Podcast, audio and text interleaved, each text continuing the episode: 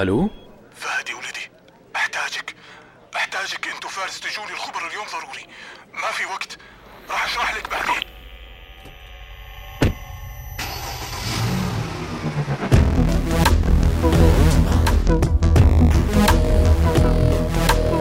لازم أروح لأبويا. والله أبوك هذا ما راح يتغير ابدا.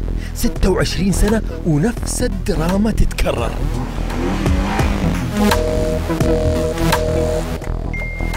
أسمع وقد اكتشفت السلطات أن رجل الأعمال عبد الرحمن الشرعاوي قد قام برشوة بعض الموظفين في قطاعات مختلفة لتزوير المستندات المطلوبة لإكمال التعمير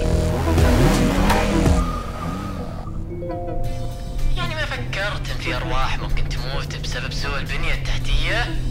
ما فكرت بالمساكين اللي سلموك الثقة وأنت تاكل فلوسهم؟ بس مو معقول هو اللي يكون ورا هالشيء يعني اللي يتابع تاريخ عبد الرحمن الشرعاوي راح يكتشف إنه عنده كثير أعمال خيرية وكان يدعم الكثير من الأعمال الناشئه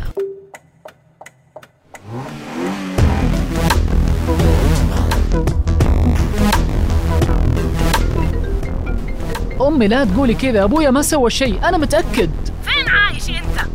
ما سمعت الأخبار؟ ما سمعت بالمصيبة اللي سواها أبوك؟ أبوك خلانا لا يا فهد لا.